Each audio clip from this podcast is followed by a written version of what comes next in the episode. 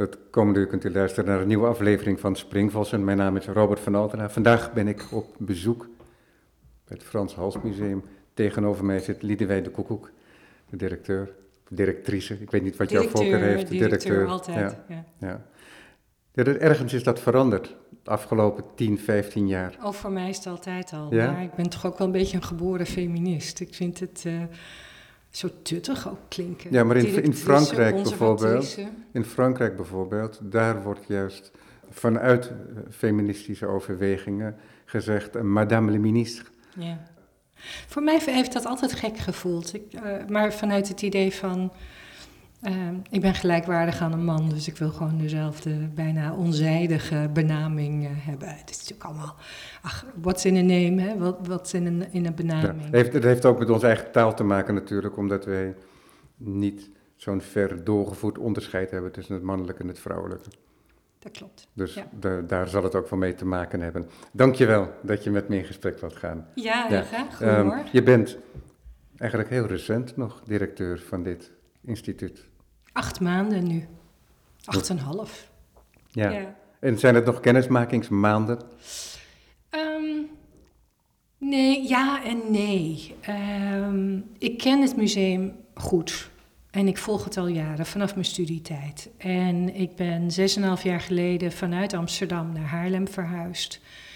En ik heb ook altijd de afgelopen twintig jaar, en zeker ook sinds ik zelf museumdirecteur was, dat is nu uh, zo'n 15 jaar geleden, de eerste keer dat ik museumdirecteur werd, is het heel interessant om te volgen hoe andere musea het doen, uh, waar directeuren mee bezig zijn, uh, wat voor tentoonstellingen, wat voor programmering. Je spreekt je collega's ook? Ja, je spreekt uh, veel. En, en kijk, bij het Frans Hals Museum, voor mij is dit qua collectie een heel groot feest. Ehm, ik ben een, als kunsthistoricus nogal een omnivoor wel afgestudeerd hedendaagse kunst en architectuur, maar ik vind eigenlijk oude kunst, uh, modern, alles ertussenin ongelooflijk interessant. En het Frans Hals heeft een collectie waar je u tegen zegt, internationaal vermaard, zowel op het gebied van oude, moderne als uh, hedendaagse kunst.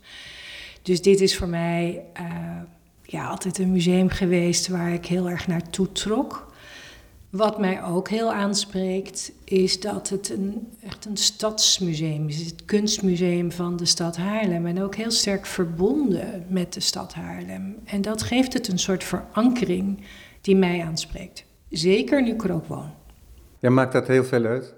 Ja, niet per se. Ik heb op allerlei plekken gewerkt. En, oh, nee, sorry. Uh, ik, ik, was niet helemaal duidelijk in mijn vraag. Maar is dat verschil heel groot? Dat het of iets een plek is want ik ken toch weinig musea die niet op een plaats zijn in de stad waar ze gevestigd zijn. Zeker, zeker. Um, maar een We zijn een rijk land en we hebben vele instituten, maar ook weer niet zoveel dat we dat soort instituten gaan veronachtzamen, toch? Nee, zeker niet. Um, ik denk dat het gewoon te maken heeft met dat wat wij ook in de collectie hebben, zeker de oude kunst, sterk verbonden is met de geschiedenis van de stad. En ook hier gemaakt is en voor de stad gemaakt is. Of dat nou particuliere opdrachtgevers waren, kerken of de, eh, of de overheid, zeg maar. En die collectie ook al honderden jaren zichtbaar is voor het publiek. Dus dat denk ik. Dat uh, gevoel van die verbondenheid met de geschiedenis van de stad, maar ook met de stad nu. Eh, ik vind het ook heel belangrijk dat een museum actief is, zichtbaar is. En zich ook als maatschappelijk instituut bezighoudt met wat er speelt in ja. de stad. Ja, en ook veel van die historische kunst die deel uitmaakt van de collectie. Dat is ook kunst die deel uitmaakt van de historie van de stad zelf. En het zijn ook kunstenaars die hier werkten vaak. dus in die zin is dat verband misschien wel wat hechter dan elders. Ja, precies. Ja, ja, dat is inderdaad bijzonder. We zitten hier in je werkkamer. En het is een historisch museum ook vanuit de architectuur. En we zitten hier in een apart huisje, als het ware, van binnenuit allemaal met elkaar verbonden. En daarin is ook hedendaagse kunst te zien. iets wat ouder werk, 1980 van Lucassen. Um, een fotowerk van Fleur van Dodewaard misschien? Ja, inderdaad. En daarnaast een, een werk van jonge kunstenaar die ik zeer bewonder, Irie Zamblé, dat ik kreeg bij mijn afscheid van het Rembrandthuis omdat ik eerder met haar had gewerkt. Uh, het is een heel leuk werkje dat me heel, heel dierbaar is. Ik zou hier graag ook oude kunst willen houden, maar dat kan natuurlijk niet uh, in je werkkamer. Uh, en ook vanwege klimaat en beveiliging doen we dat maar niet. Maar dan loop ik zo het museum in, een paar trappen af. Ja, en, maar dat is dan wel de bijzonderheid, want het is niet iets wat je zomaar verwacht. Ehm, dat je in zo'n historische omgeving ook die moderne en hedendaagse kunst uh, ziet. Maar dat maakt deel uit van die collectie. Over die eigenheid daarvan, daar gaan we het denk ik nog wel hebben, over hebben. Je noemde al dat je directeur bent geweest ook van het Rembrandthuis. Uh, je bent verbonden geweest aan het NAI in Den Haag, wat inmiddels het nieuwe in, instituut in Rotterdam? heet. Ja, sorry, in Rotterdam, ja. wat inmiddels het nieuwe instituut heet. Het Stedelijk Museum Alkmaar ja. heb je gewerkt, dus dat is al een, een mooi traject. Textielmuseum. Textielmuseum in Tilburg ook inderdaad. Ja, en ook ja. in de gemeente Dordrecht gewerkt. Ja, dus dat is al een hele reis. Hoe was dat? Want jij zegt van ja, ik ben afgestudeerd op hedendaagse kunst en architectuur. Universiteit Leiden, denk ik hè? Ja. Hoe kom je op dat traject? En dat is dan eigenlijk de enige vraag die ik aan al jouw collega's ook gesteld heb. Hoe kom je op dat traject dat je uiteindelijk ergens directeur wordt? Want dat is toch ook iets heel anders. Dat gaat niet alleen maar meer om de kunst, maar het gaat ook om organisatie. dat mm-hmm. verlangt ook iets anders van een persoon. Ik denk voor een deel heeft het te maken met uh, toeval, met geluk hebben, maar soms ook ongeluk hebben. En, uh, en natuurlijk ook wel met uh, nou, je persoonlijke voorkeur, wat voor soort werk. Ik merkte al snel toen ik ging studeren. Nee, laat even andersom. Uh, mijn vader had veel kunstboeken. Mijn ouders namen ons mee naar tentoonstellingen, musea. En ik vond het van, vanaf kinds af aan heerlijk om door die grote kunstboeken te bladeren. En ik tekende ook fanatiek zelf. En uh, later omringde me ook wel met kunstenaars en, en hoopte zelf ooit kunstenaar te worden. Um, maar toen ik ging studeren, dat was uh, begin jaren tachtig, toen speelde er ook maatschappelijk ongelooflijk veel. En ik was, uh, ja, toen gebruikte het woord activistisch niet, maar zo voelde ik het wel. En ik had toen het idee, en ik zie dat nu ook wel bij veel jonge kunsthistorici, dat je vooral via de hedendaagse kunst een statement kunt maken. En het verschil kunt maken, ook maatschappelijk en politiek en uh, nou, al dat soort zaken. Um, en als begin twintiger was het ook gewoon hip, de hedendaagse kunst. En de oude kunst, ja, interesseerde me wat minder. Dat heeft dan ook misschien een prettige rusteloosheid. Ja, ja, het is, ja zeker. Het is verkennen van jezelf, van de wereld om je heen. Um, en ja, het hoort gewoon bij jong zijn. En daarna ben ik me veel meer gaan verdiepen ook in oude kunst en, en modern, zeg omstreeks 1900, maar zelf 18, zelfs 18e eeuwse kunst.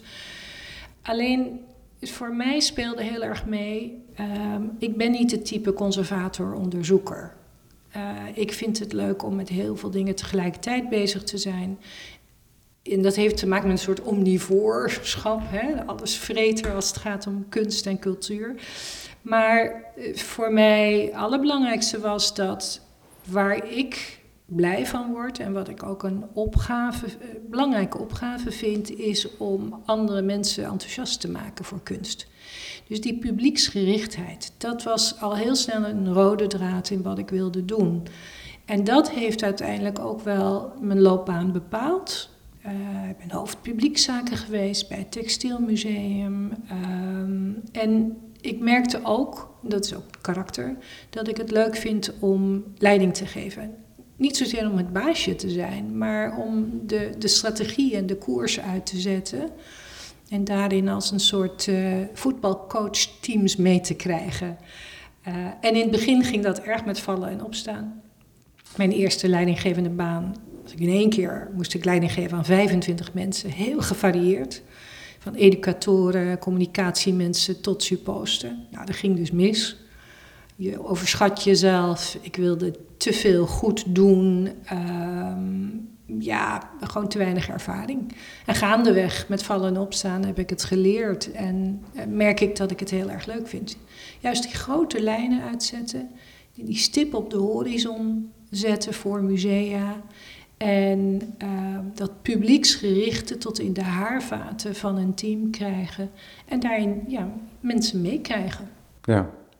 Beetje algemeen allemaal. Maar nee, nee, maar dat, we, we, we, komen ongetwijfeld nog uh, te spreken over veel specifieke zaken ook. Teken je nog? Nee. Nee, dat is uh, een, een, jaar of tien geleden, of misschien nog langer geleden, heb ik het weer opgepakt. Maar je verleert het. En ik ben zo kritisch geworden. En ik heb gewoon geen tijd. Ik merk dat. Nou ja, eerlijk gezegd, als ik ontspan, dan ga ik lekker wandelen of naar de film, of ik lees een boek, of ik zit gewoon lui voor de tv. Ja. Terwijl ik weet dat het heel goed voor me zou zijn. Ja. Maar het heeft je ook überhaupt, en dat verleer je minder snel denk ik, wel gevormd als kijker ook. Ja, helemaal. Helemaal. Ik, uh, ik ben heel visueel ingesteld. Wat soms lastig is ook voor anderen, omdat ik dan dingen in mijn hoofd heb, dan zie ik het eigenlijk allemaal al, maar probeer dat dan maar eens te vertellen aan anderen wat dat beeld is. Maar als je het hebt over kunst, uh, het helpt om begrip te hebben voor de overwegingen van een kunstenaar, om het maakproces en het creatieve proces te snappen. En om als het ware mee te kijken met hoe een kunstwerk tot stand komt. En natuurlijk, dat kan niet bij alle kunstwerken. Maar het, het helpt enorm. Ja. Om goed te kunnen kijken, als ik zo onbescheiden mag zijn. Ja. Je bent hier nog vrij recent. Wat was jouw visie op dit museum? Zou je dat kunnen delen, wat je met de, de sollicitatiecommissie die je ongetwijfeld gesproken hebt, hebt voorgelegd? Nou, dat is misschien iets minder een artistieke lijn, die er uiteraard helemaal in zit. Ik ben algemeen directeur met, met artistiek inhoudelijke portefeuille, zeg maar. Maar bij het Frans Hals is veel meer nodig. En het Frans Hals, en alle eer aan mijn voorgangster Anne de Meester... die heeft enorm geknokt om het museum op orde te krijgen. Maar de grote problemen hier, uitdagingen, vreselijk woord, maar uh, zitten veel meer in de basis van het museum. In de organisatie op orde krijgen, genoeg mensen hebben om al het werk hier te doen, de financiering vanuit de gemeente op orde te krijgen, de gebouwen die uh, hoognodig verbouwd, gerenoveerd en verduurzaamd moeten worden. En uh, tot slot niet onbelangrijk, Ehm, we hebben zo'n mooie collectie, die we maar voor heel klein gedeelte kunnen laten zien. En voor mij daarin speelt ook mee dat ik het belangrijk vind dat het museum ook publieksgericht is. Dus zelfs mensen die niets hebben met hedendaagse kunst, dat we die meenemen. Dat we ze verleiden, dat we wat meer uitleggen. Dus dat we denken vanuit ons publiek uh, en niet alleen zenden, als een soort schoolmeester. Kijken wat mensen nodig hebben. En natuurlijk ook verbreden van het publiek. Het is, gaat niet alleen maar om een mooie schilderij hier of daar of een mooie installatie hier of daar. Wij zijn een, een maatschappelijk instituut als musea. En we hebben gewoon de plicht om niet alleen maar de oudere, witte, welgestelde museumkaarthouder binnen te halen. Die graag, dat zijn onze belangrijkste fans. Maar ik wil ook dat dit museum dat willen de meeste museumdirecteuren, dat we ook ja, andere communities, andere groepen, jongere doelgroepen bereiken. Maar kort samengevat, de basis van het museum moet op orde. Daar zijn we echt stappen mee aan het zetten. Ook de gemeente werkt enorm mee nu. En ook de, de gemeenteraad is heel positief. Maar kennelijk was er een. Was het duidelijk dat er een grote behoefte was aan reorganisatie? Is dat het dan? Nee, niet reorganisatie. Nee, dat, dat absoluut niet. Maar we hebben, eh, het museum heeft jarenlang veel te weinig inkomsten gehad, veel te weinig subsidie, terwijl de gebouwen. Ja, en, en, en op, de, op, de, lange duur. Uh, dat ze. Ja. Dus je krijgt uitgehold en. Uh, op je tenen lopen, toch veel proberen te doen. En, en Anne, Anne de Meester heeft met het team enorm veel gerealiseerd onder zulke slechte omstandigheden. Maar het is belangrijk om te weten, het gaat niet omdat wij nou per se meer subsidie willen. Uh, dat willen we natuurlijk wel, maar de gebouwen en de collectie zijn eigendom van de stad. En wij zijn zeg maar een exploitatiestichting. En de stad uh, ja, jarenlang moeilijk geweest voor het museum. En nu begint dat echt te kantelen. En dat is ook dankzij de enorme lobby van, van de de, de raden van toezicht, de medewerkers. Dus ik, het team nu en ik, we, we profiteren daarvan. Maar we hebben zeker nog wel een jaar of tien nodig. Zeker als we een hele grote renovatie en verbouwing gaan doen. Uh, nou ja, dus, dus dat zijn. Dat klinkt misschien minder artistiek inhoudelijk interessant, maar het is wel de basis waarop je mooie programma's kan maken, goede aankopen kunt doen, je plek in het museum bestellen en bij het publiek kunt bestendigen. Ja, nou is die eigenaardigheid, zou je kunnen zeggen, van het Frans Hals Museum, dat het Frans Hals Museum ook de hallen heeft. Ja. En daar heb ik ook hele mooie tentoonstellingen gezien. De laatste, ik was hier vorige week, dus uh, toen uh, was er even niks te zien. En dat is een vrij groot contrast. En dat is een contrast wat ook in die collectie zit. Hè. Ik gaf al aan dat hier zo'n mooi schilderij van Lucas op je kamer hangt. Maar dat is ook een schilderij dat deel uitmaakt van de collectie. Dus niet alleen maar de Van Heemskerken zitten in die collectie. Hoe kijk je daar tegenaan, tegen dat grote contrast? Gemengd. Maar ten eerste wil ik zeggen, vanaf vandaag is er een nieuwe tentoonstelling in, uh, in de Vleeshal, deze keer. Wat we noemen de locatiehal aan de Grote Markt, over uh, videokunst. En dan vooral over de nachtcultuur, de muziek. Maar om antwoord te geven op je vraag, het is lastig, twee locaties. Het publiek weet niet goed waar ze heen moeten. Mensen staan bij de Grote Markt, denken dat ze daar de Frans Halsen zien. Of weten de weg niet te vinden naar beide locaties. Dus dat is het eerste, het cannibaliseert elkaar. Uh, ik heb grote voorkeur om uiteindelijk te werken naar één locatie voor het museum, waar we veel meer ruimte, veel meer wandruimte hebben, veel meer plek hebben om de hele collectie te laten zien, van uh, 16e tot en met 21e eeuw. Dat is een interessante opmerking met grote consequenties, denk ik. Jazeker, zeker. Maar daar zijn we ook uh, met de gemeente aan het verkennen wat er mogelijk is. En daarnaast, uh, ik weet niet of de luisteraars daarvan weten, maar er is lange tijd uh, de locatie aan de Grote Markt ook gedoe geweest met de eigenaar van een deel van de, wat we noemen de verwijhal. Dus er is jarenlang kon er weinig aan onderhoud worden gedaan en kunnen wij maar de helft van het gebouw gebruiken.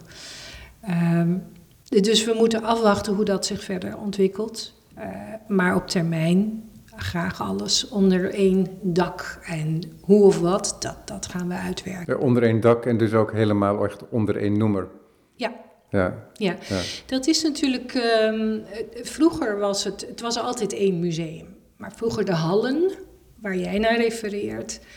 Dat was inderdaad, werd gezien als het Hedendaagse Kunstmuseum. En hier op het Groot Heiligland was dan het Frans Hals Museum. Het was altijd één organisatie. Ja, en er was af en toe wel wat kruisbestuiving. Zeker. Um, maar dat was wel duidelijk. En daarom snapte ik je, ook je opmerking niet helemaal.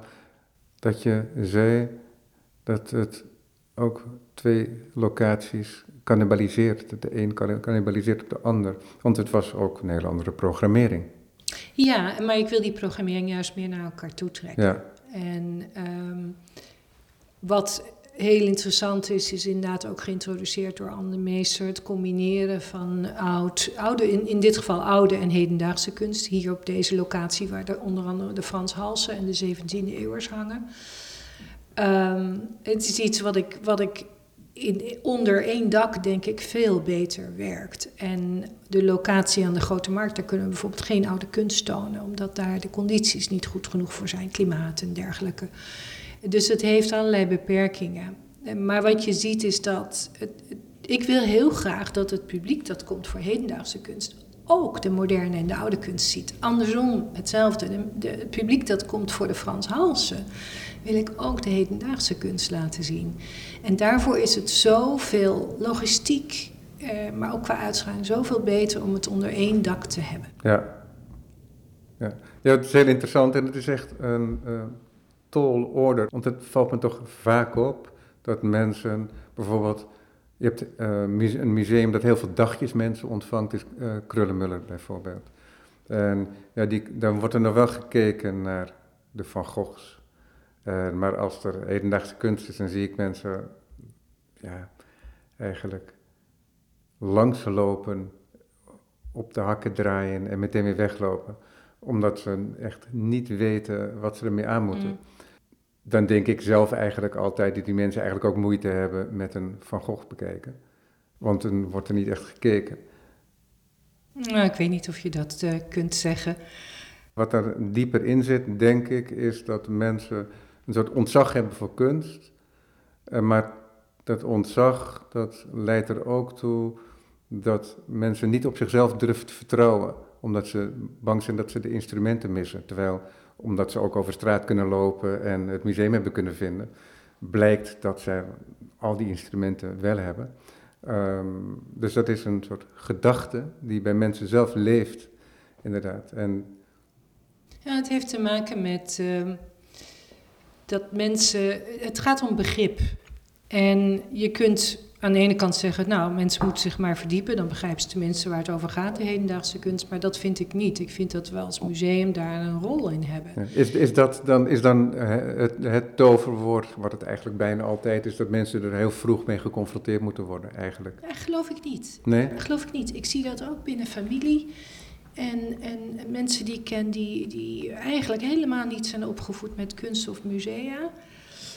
Kijk, het heeft aan de ene kant te maken met, met wat voor kunst en wat voor kunstenaar. Of iets uh, triggert of iets een snaar bij je raakt. Wat belangrijk is, is dat we moeten voorkomen dat mensen eh, zich afkeren van hedendaagse kunst. Dat doen ze niet in het algemeen, maar hè, bijvoorbeeld een installatie, iets dat iemand niet begrijpt omdat ze denken, ik heb de tools niet, ik heb de kennis niet, dit is niet voor mij. Mm -hmm. Ik ben blijkbaar of zo, dat ik dit niet begrijp. Terwijl daar zit het hem helemaal niet in. En ik geloof dus, ik ben zelf een beetje allergisch voor sommige tamelijk hermetische teksten bij, bij hedendaagse kunst. Moeilijke dingen, dingen die je niet kent, kun je ook op een eenvoudige manier uitleggen. Waardoor je mensen naar binnen haalt. En dan nog kunnen ze zeggen, dit is niks voor mij. Ik vind dat dus belangrijk dat we als musea daar ons best voor doen. En uh, niet, net zoals we ons met de oude kunst niet alleen maar richten op de kenners van de oude kunst, moeten we dat met de hedendaagse kunst ook niet doen. En het is natuurlijk ook zo, uh, ja, wat je kent, dat snap je eerder, daar trek je eerder naartoe. Vroeger was ook expressionisme, surrealisme, waren allemaal hele uh, nieuwe bewegingen waar mensen in de tijd niks van snapten en niks van moesten hebben. En tegenwoordig hoort, behoort dat gewoon tot de beelden, de stromingen, ja. de kunst die we ja, kennen. Ja, het is ook altijd, altijd wel opvallend dat je, als je bijvoorbeeld schrijvers hebt die zich bezighouden met verschillende kunsten ook, dan, als je dan leest over wat hun voorkeuren waren in een andere discipline, dan is dat altijd één generatie terug. Ja. Dat is heel interessant, het gebeurt slechts heel weinig. Ik ken ook bijvoorbeeld heel weinig hedendaagse kunstenaars die naar hedendaags gecomponeerde muziek luisteren, bijvoorbeeld. Dus die zijn er wel, alleen dat is ja, op één hand te tellen, bij wijze van spreken. En dus in die zin is dat veel breder. Hè? Dat is de mens eigen. Dus dat bekend zijn met iets en het daardoor gemakkelijker omarmen. Ja. En het blijkt dus ook dat het heel veel verlangt van een mens om open te staan voor de omgeving. Jij hebt zelf veel in het buitenland gewoond, ook als kind. Dus dan weet je wat het betekent om in een vreemde omgeving te zijn.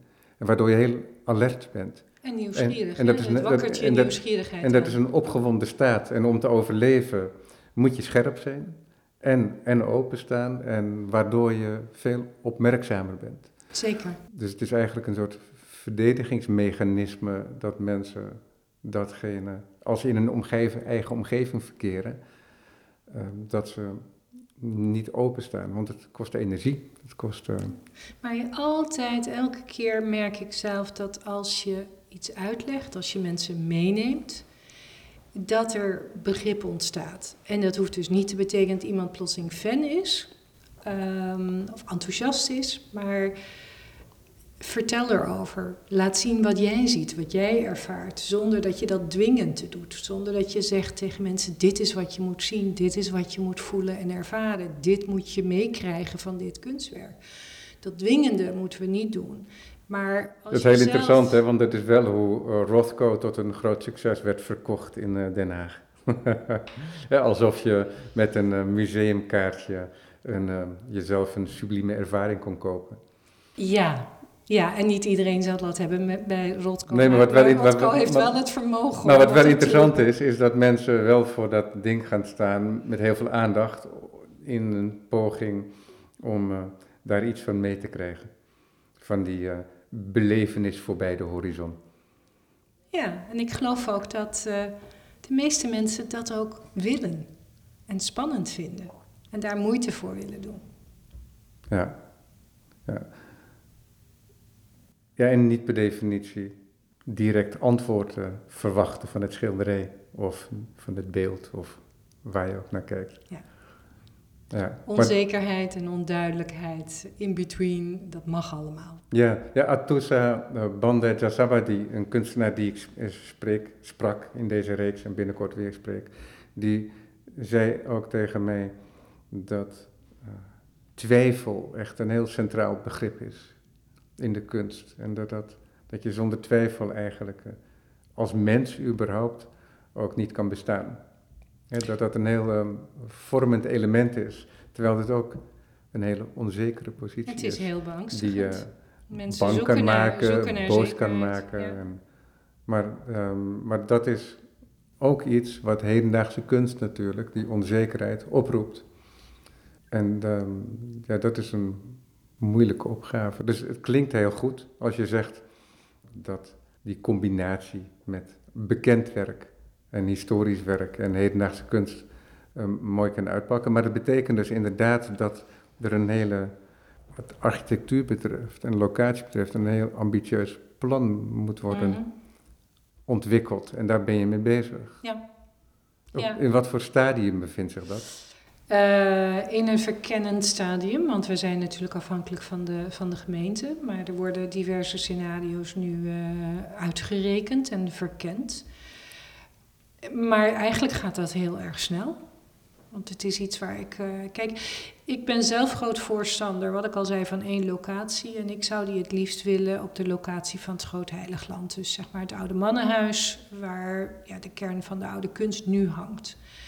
En al langer voordat ik ook wist dat de functie vrij kwam, eh, was ik hier wel eens en dacht ik: Goh, maar waarom, waarom niet dit? Waarom niet dat? Waarom niet de overkant erbij trekken, uh, waar nu ook culturele instellingen zitten?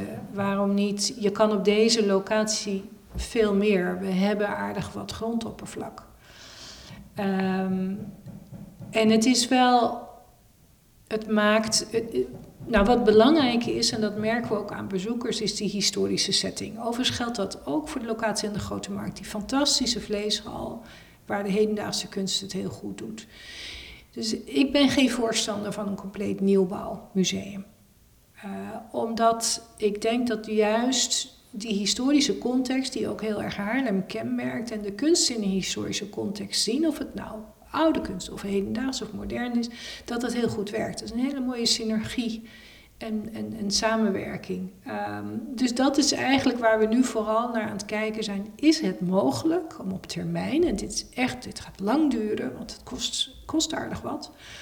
Um, om op deze locatie het museum, wat we noemen, in te breiden. Uh, misschien een grote onderkeldering onder de binnentuin, waardoor je een hele mooie tentoonstellingsruimte kunt creëren.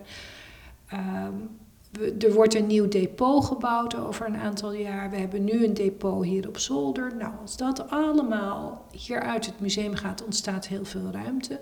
En een andere optie is inderdaad een verbinding te maken met tegenoverliggende gebouwen. Dus dat zijn dingen die, die we aan het verkennen zijn. Ja. Over hoeveel vierkante meters gaat het dan? Hoeveel heeft het nu en wat zou het moeten worden dan? Weet je dat ongeveer?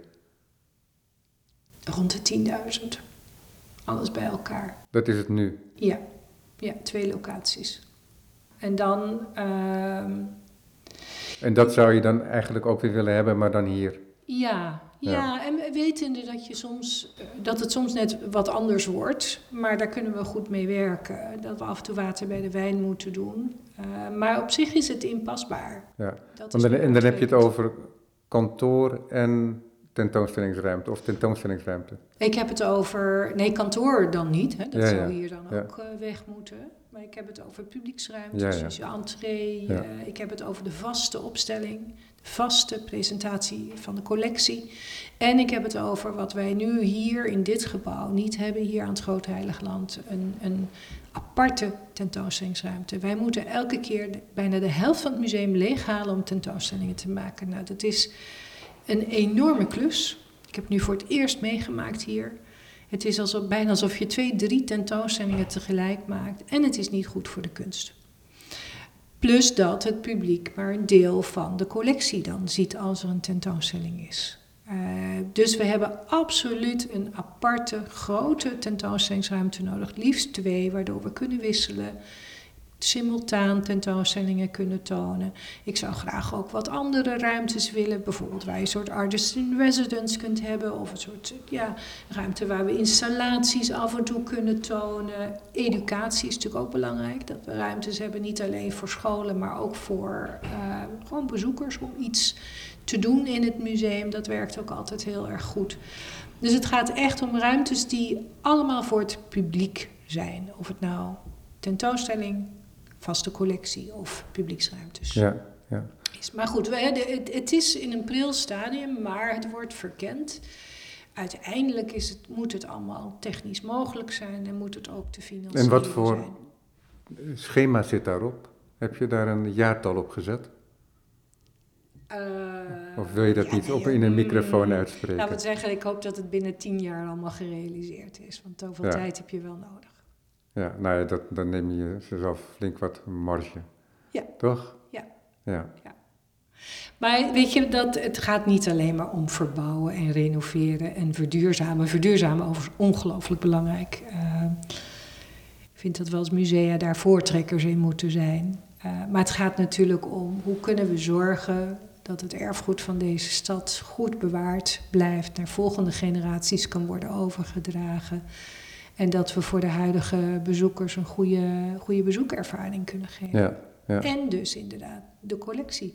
Ja, ja want dat is natuurlijk eigen aan die positie van het directeurschap. Dat je inderdaad niet alleen bezig bent met die kunst, met het tonen van die kunst, wat een vak op zich is, maar dat je dus inderdaad ook bezig bent en met organisatie en met ja, het rentmeesterschap in de ruimere zin. Ja, en dat doe je niet alleen. Hè, dat is eh, hier nog meer, denk ik, omdat je zojuist aangaf ook dat die collectie eigendom is van de, van de stad.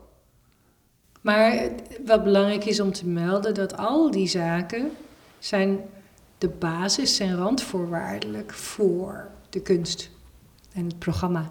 Hoe goed ken jij de collectie inmiddels? Ach, eh, een fractie ken ik. Ja, heb je daar een programma voor jezelf opgesteld om dat te leren kennen? Ja, regelmatig. eh, ik, ik lees veel. Ik, eh, we hebben een heel goed eh, systeem, digitaal systeem, waar ik heel veel kan terughalen. Ik loop regelmatig in, in het depot. Is dat goed toegankelijk, een depot? Nee, niet zo. Dat is jammer. En Dus het is daar- ook moeilijk om ehm, werk te leren kennen Ja. middels een wandeling in het depot. Ja, en daarom is een nieuw, eh, een nieuw depot, een heel groot depot, het wordt een collectiecentrum met meerdere gebruikers, is zo belangrijk. Ja, en kunst- wat zijn de andere gebruikers dan? Noord-Hollands Archief, het Tijlersmuseum voor een klein stukje, mogelijk het Museum van de Geest en ehm, archeologie hier van de stad. Ja, ja, want het is ook voor jou als directeur, die dat werk tentoon wil stellen, heel belangrijk om, en dat weet jij nog beter dan ik als kunsthistorica, maar ik kom het natuurlijk vaak tegen, omdat ik veel met hedendaagse kunstenaars spreek, dat je het werk zien is echt van groot Is belang, het, het fysieke werk zien. Ja. Dus ook het leren kennen van je collectie, daarbij is het heel belangrijk dat je het werk echt ziet en niet alleen maar een digitale representatie. Ja, ik ben, met ik ben elke keer weer, uh, weer verrast. We waren deze week bezig met de nieuwe collectieopstelling na de huidige tentoonstelling die we hebben. En dan komen er weer werken boven. En ik, hebben we dit ook? Wat ongelooflijk. Uh, en, maar het geldt ook voor de mensen die hier werken. We hebben zo'n 20.000 objecten, 800 uh, oude kunstschilderijen, talloze andere werken, heel veel videokunst. En veel ken ik wel van tentoonstellingen, van dat ik hier op, nou ja, gewoon door het museum wandelde. Maar er is nog zoveel te ontdekken. En daar hebben we de faciliteiten voor nodig. Daar hebben we de mensen voor nodig. En dat, dat begint nu ten goede te keren. Ja. Maar zeker. Uh, maar heb je daar tijd voor om dat werk te gaan bekijken? Want het is, ik probeer, het, het, ik want, want, het is zo moeilijker om uh, direct contact te hebben met het werk, omdat de opslag het nauwelijks toelaat. Maar het is toch heel belangrijk, toch? Dat je als directeur weet wat er te zien is. Ook al is het bijna onmogelijk om alles te kennen, omdat ja. het zoveel is. Het is, het is uh, ingewikkeld om tijd te vinden, maar ik wil er tijd voor vinden. En ik vind het ook belangrijk om werken echt te zien. Uh, en ik vind het ook belangrijk om op termijn meer atelierbezoeken af te leggen. Maar uh, ja, algemeen directeur zijn met zulke grote projecten die er nu voor ons aankomen. Uh, betekent dat ik daar niet heel veel tijd voor kan vrijmaken. Um, dus dat is gewoon ja, mijn prioriteit te leggen van wat heeft het museum van mij nodig en wat heeft het team van mij nodig. Maar om even terug te gaan op hoe belangrijk het is om kunst te zien. Um, het, twee dingen. Ik uh, was maandagavond bij de jaarlijkse kunstbeschouwing van het Museum, waar dan een, een, een klein groepje mensen wordt uitgenodigd om tekeningen uit de collectie op de hand te bekijken. Natuurlijk niet, hè, welkeurig in een paspartout. Dat zijn de momenten, ik word daar zo gelukkig van. Maar het is ook zo belangrijk, omdat je een tekening van Rembrandt, een, een, een tekening van Raphaël, maar kunstenaar Robbie Cornelissen was ook aanwezig, een tekening van zijn hand en een Marlène Dumas. Echt goed van dichtbij bekijken, snappen hoe een kunstenaar denkt en werkt. Dan komt het tot leven. Uh, hetzelfde is natuurlijk hier in het museum. We hebben een, uh, een tweede voorbeeld. We hebben een uh, fantastisch restauratieatelier met drie restauratoren. Een van de oudste restauratieateliers van Nederland. Die zijn momenteel de Maarten van Heemskerks die wij hebben. Er zijn drie worden er ingrijpend gerestaureerd. En nu, Lucas schildert de Madonna, het, het topstuk zeg maar, uh, wordt nu al jaren onder handen genomen. Ik probeer daar af en toe uh, regelmatig uh, naartoe te gaan. En dan zo'n kunstwerk dat gerestaureerd wordt en helemaal terug wordt gebracht. En we noemen dat bijvoorbeeld stripped state. Hè, dan is alles er bijna af en dan ziet het er heel erg slecht uit. En denk je, komt het ooit goed? Tegelijkertijd, je komt op de directe verflaag van de kunstenaar. En door al dat materiaaltechnisch onderzoek kunnen we ook verder, dieper kijken. En het begrip dat je op die manier krijgt voor een kunstenaar en zijn werkwijze of haar werkwijze, dat is zo belangrijk. En dat gaat om, dat is dat, dat het echte werk, zien, voelen, bestuderen. En uiteindelijk, elke keer als ik dit soort dingen zie, dan denk ik, hier gaat het om. Ja, dan zie je ook hoe kwetsbaar het is een werk. Zeker. Ja, want wat wij als integrale werken zien, dat zijn vaak bijeengelapte uh, werken. Hè? Want ja, ze zijn gewoon kwetsbaar met, uh, met schilderijen. En daarom verbaast het me altijd zo dat je bijvoorbeeld in de stad als Venetië gewoon Titiaans kunt zien hangen in een kerk die daar al honderden jaren hangen.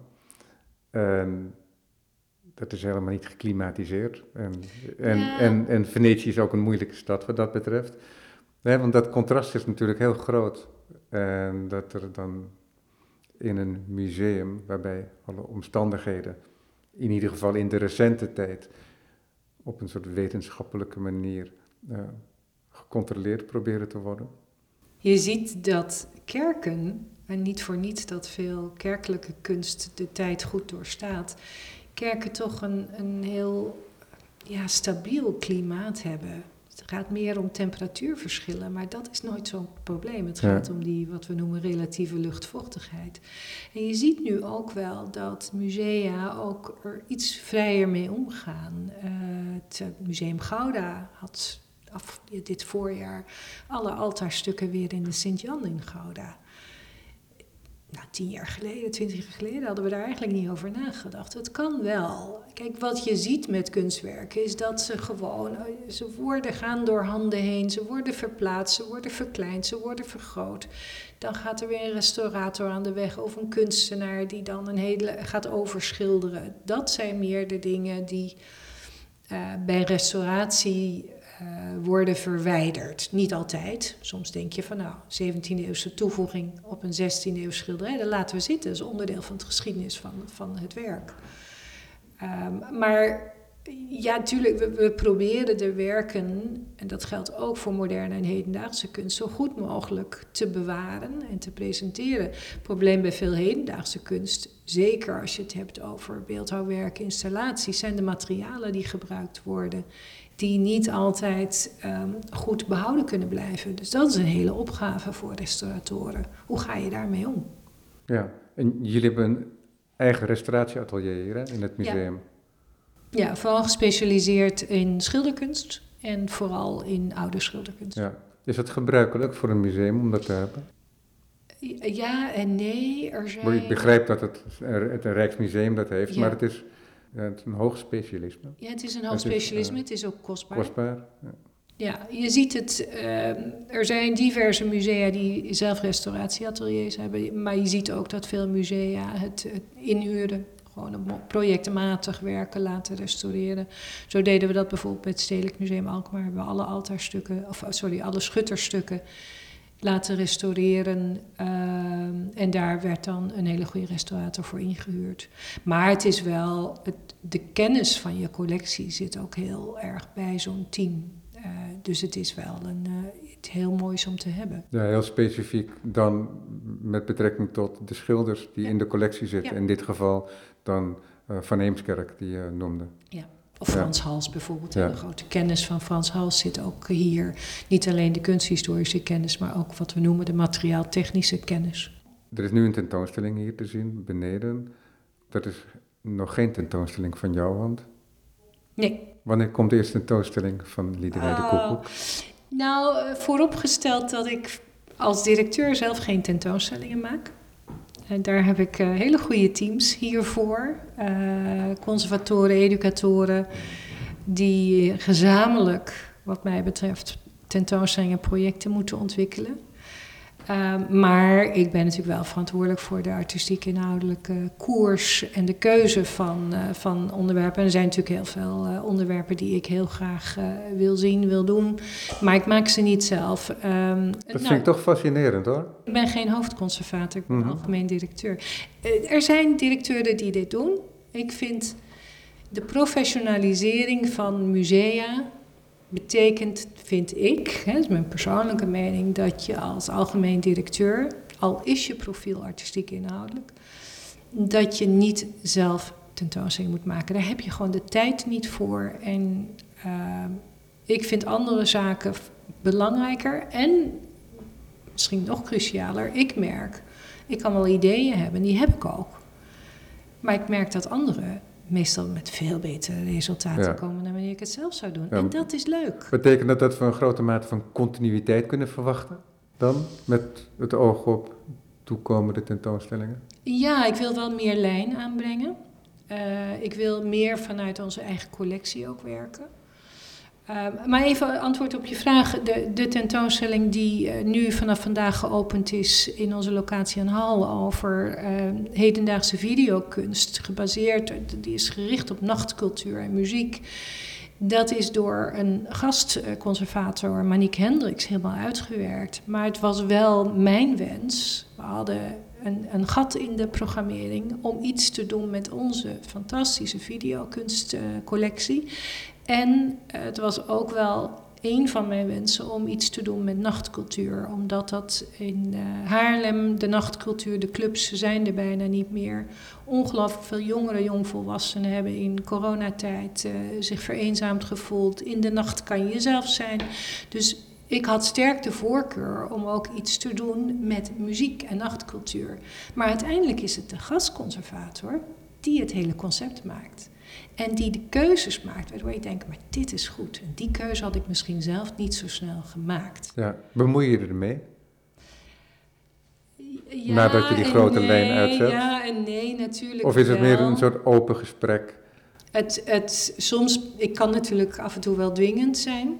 Maar ik probeer me niet met de details te, bemoeien. We hebben daar uh, wat we noemen multidisciplinaire projectteams voor. We hebben inmiddels een hele goede projectleider tentoonstellingen. Um, zij, op het moment dat er een goed concept ligt, een goed verhaal, dat er bepaald is welke kunstwerken komen er ongeveer, dan gaan zij aan de slag. En dan zijn er wel van die cruciale momenten dat ik er weer bij gehaald word. En ik was gisteren weer om even te kijken, ja, dan heb ik wel wat opmerkingen hier of daar. Um, maar er is niets vervelender dan een directeur die op het laatste moment van alles anders wil en alles wil veranderen. Um, dus ik probeer nee, dat, dat, niet begrijp, te dat begrijp ik. Het is ook mooi om mensen een verantwoordelijkheid te geven, waardoor Exact. ze ook een bredere schouders krijgen, Exact. denk ik. Maar toch verbaast het me van jou dat je zelf geen tentoonstellingen Ik gaat heb het maken. nooit gedaan. Nou ja, goed, voordat ik directeur was, wel eens. Maar Ja. eh, eh, ik merk, ehm, ik zie mezelf veel meer als die dirigent, die ehm, coach, die een, een elftal laat schitteren. Daar zitten de sterspelers. Zij moeten het werk doen. Er is ook niet één manier van werken natuurlijk, dus ik, eh, dus ik begrijp het ook wel. Ja. Ja. Ja, en ik vind het voor mij het grootste plezier om zeker die zaadjes te planten, Ja. maar vervolgens te zien dat het resultaat tien keer zo goed is dan wanneer ik het zelf zou doen. Ja. En, eh, god ja, heel praktisch, ik heb er ook geen tijd voor. Het is nogal wat, een tentoonstelling maken. Zeker. Ik huiver bij de gedachte. Ja. Schrijf jij graag over kunst? Ja, maar ik doe het te weinig. Ik praat er liever over, dat is veel makkelijker. Ik schrijf wel graag, maar ik schrijf weinig. Altijd al. In het, nee, in het verleden wel meer. Het is een beetje, ja, choose your battles. Hè? De- wat, wat vind ik in mijn rol het allerbelangrijkste? En dat is niet dat ik eh, achter elkaar publiceer. Wat voor onderwerp ben je afgestudeerd eigenlijk? Ik ben afgestudeerd op eh, Battery Park City in New York. Eh, waar later ook ja, in de buurt van de Twin Towers. Dat was een heel gebied dat ontwikkeld werd. Ehm, met, door architect Cesar Pelli. In, nu, god, ben ik er ik uiteraard niet niet, meer, niet meer zo enthousiast over. Ja. Maar dat ging aan de ene kant over publiek-private samenwerking, maar ook de combinatie van architectuur, stedenbouw, landschap en beeldende kunst. Dat is wel interessant, hè? want daar zit al een heel erg organisatorisch aspect. En ook niet een heel specifiek. Bijvoorbeeld Rijn Wolfs, die studeerde af op schilderijen van Robert Ryman, was Mm, dat bijvoorbeeld. mm. Dus dat is al heel, heel specifiek, is dat.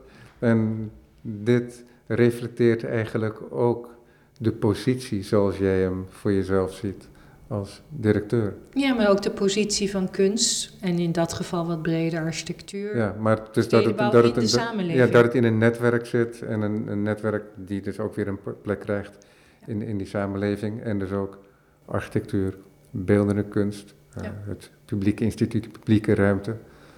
Ja. Om nog even terug te gaan op je vraag over een artistiek inhoudelijke koers. Aan de ene kant eh, wil ik dus onze collectie centraler stellen. Maar ook omdat die collectie zoveel aanknopingspunten biedt.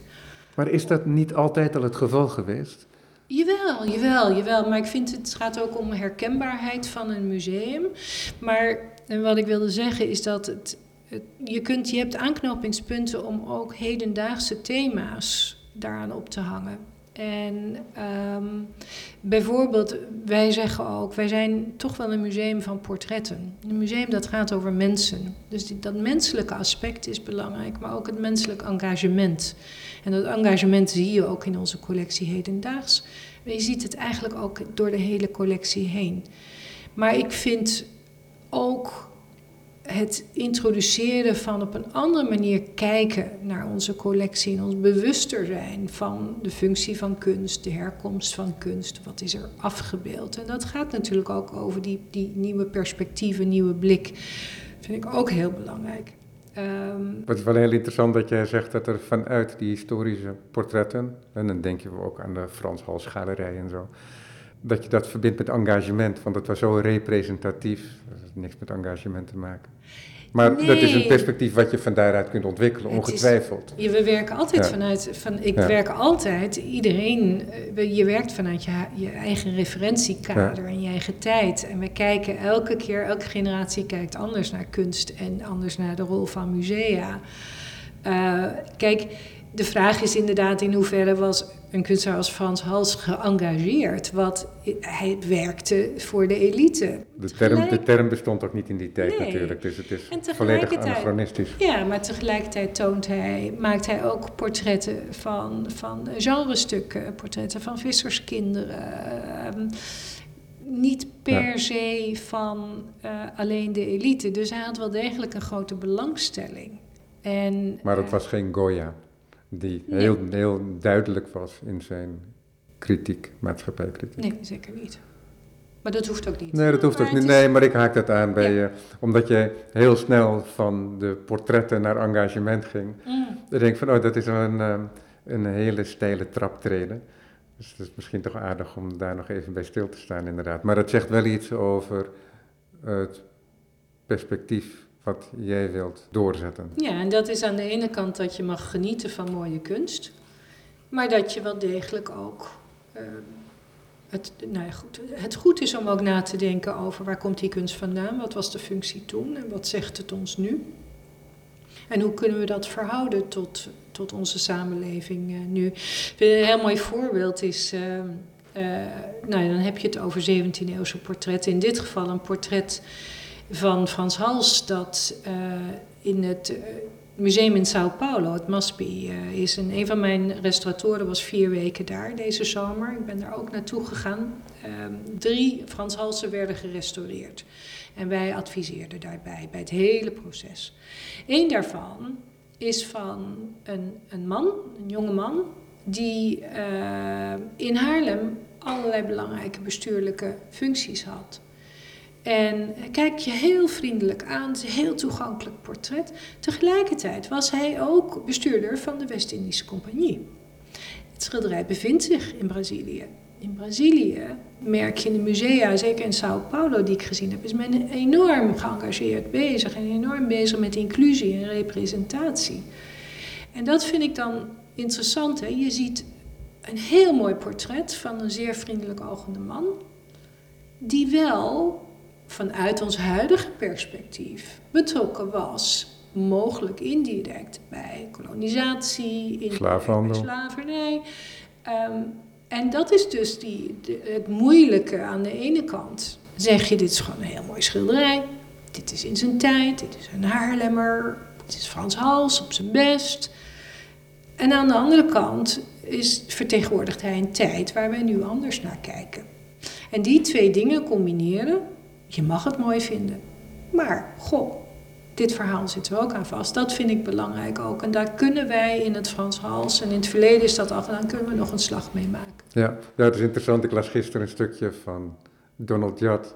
En die merkt daarop dat heel veel nationale instituten in Amerika, eh, dat daar voor een architectuur is gekozen die in Europa uh, zou gelden als een soort nazi-architectuur. Ja.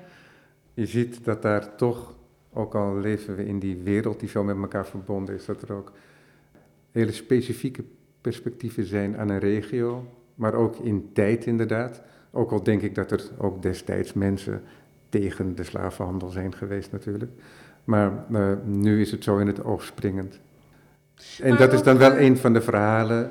Dat is, dan, dat is dan inderdaad, dat vult wel in ook wat jij bedoelt met engagement, denk ik ook. Ja, zeker, Ehm, zeker. Maar het gaat ook Vanuit om... die eh, historische collectie. Ja, maar ook je blinde vlekken die we allemaal hebben.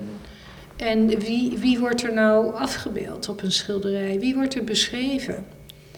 En dat je ziet dat bijvoorbeeld zwarte bediendes niet eens worden beschreven alsof ze er niet zijn. Ehm, dat vind ik, dat zijn blinde vlekken die we allemaal gehad hebben. Maar waar we wel gelukkig binnen de museumwereld heel actief mee zijn. En dat vind ik heel goed. Ehm, dus het, maar het gaat ook over we koesteren allemaal deze mooie collecties, maar ondertussen om ons heen is er aardig wat aan de hand. En hoe kan je als museum je daartoe verhouden? Eh, dus dat vind ik ook, ook, als ik het heb over engagement, gaat het ook over de, de condition humaine. De, en dat, dat vind ik heel mooi in onze eh, collectie hedendaagse kunst, zoals die eh, vanaf zeg maar, begin 2000 is verzameld. Ehm, je ziet heel veel dat het gaat over de mens en, en zijn worstelingen en om sociaal onrecht. Ehm, en kunstenaars kunnen je de ogen op zo'n bijzondere manier openen. Of je soms heel zijdelings of onbewust ergens bewust van laten worden. En dat, dat noem- bedoel ik ook met engagement. Ja. ja, soms valt het ook binnen het werk van één kunstenaar. Hè? Want je hebt dat Nieuw Babylon-project van Constant. Constant, ja. En ik zag ooit in een tentoonstelling in de Hallen, zag ik een, eh, een laadwerk uit het project. En daarin wordt er een soort dystopie getoond. En Ja. daarvoor was het heel hoopvol. Ehm, een soort droom voor de toekomst, een utopie. En dat vond ik heel moedig van Constant. Dat hij in staat was om binnen diezelfde serie, om toch nieuwe inzichten te, te delen. Maar dat is dan een voorbeeld eh, Dat is een voorbeeld, ja. daarvan. Ja. Ja, Liederwijde Koekoek. We zijn aan het einde van het gesprek. We hebben elkaar nu gesproken terwijl je net hier in positie bent. Ik stel voor dat we elkaar over een tijd weer spreken. Waarbij je meer kennis hebt van je collectie. En dan ben ik ook heel benieuwd, want ik hoop toch echt dat het geen tien jaar gaat duren, naar wat dat dan betekent om alles onder één dak te hebben. Ja, ik hoop ook dat het geen tien jaar duurt. Maar we weten allemaal, dit soort grote projecten kan wel een tijdje Ja, dat duren. begrijp ik. Maar ondertussen werken we gewoon hard aan het museum en eh, maken we hele mooie dingen. Ik ben benieuwd. Dankjewel. Graag gedaan.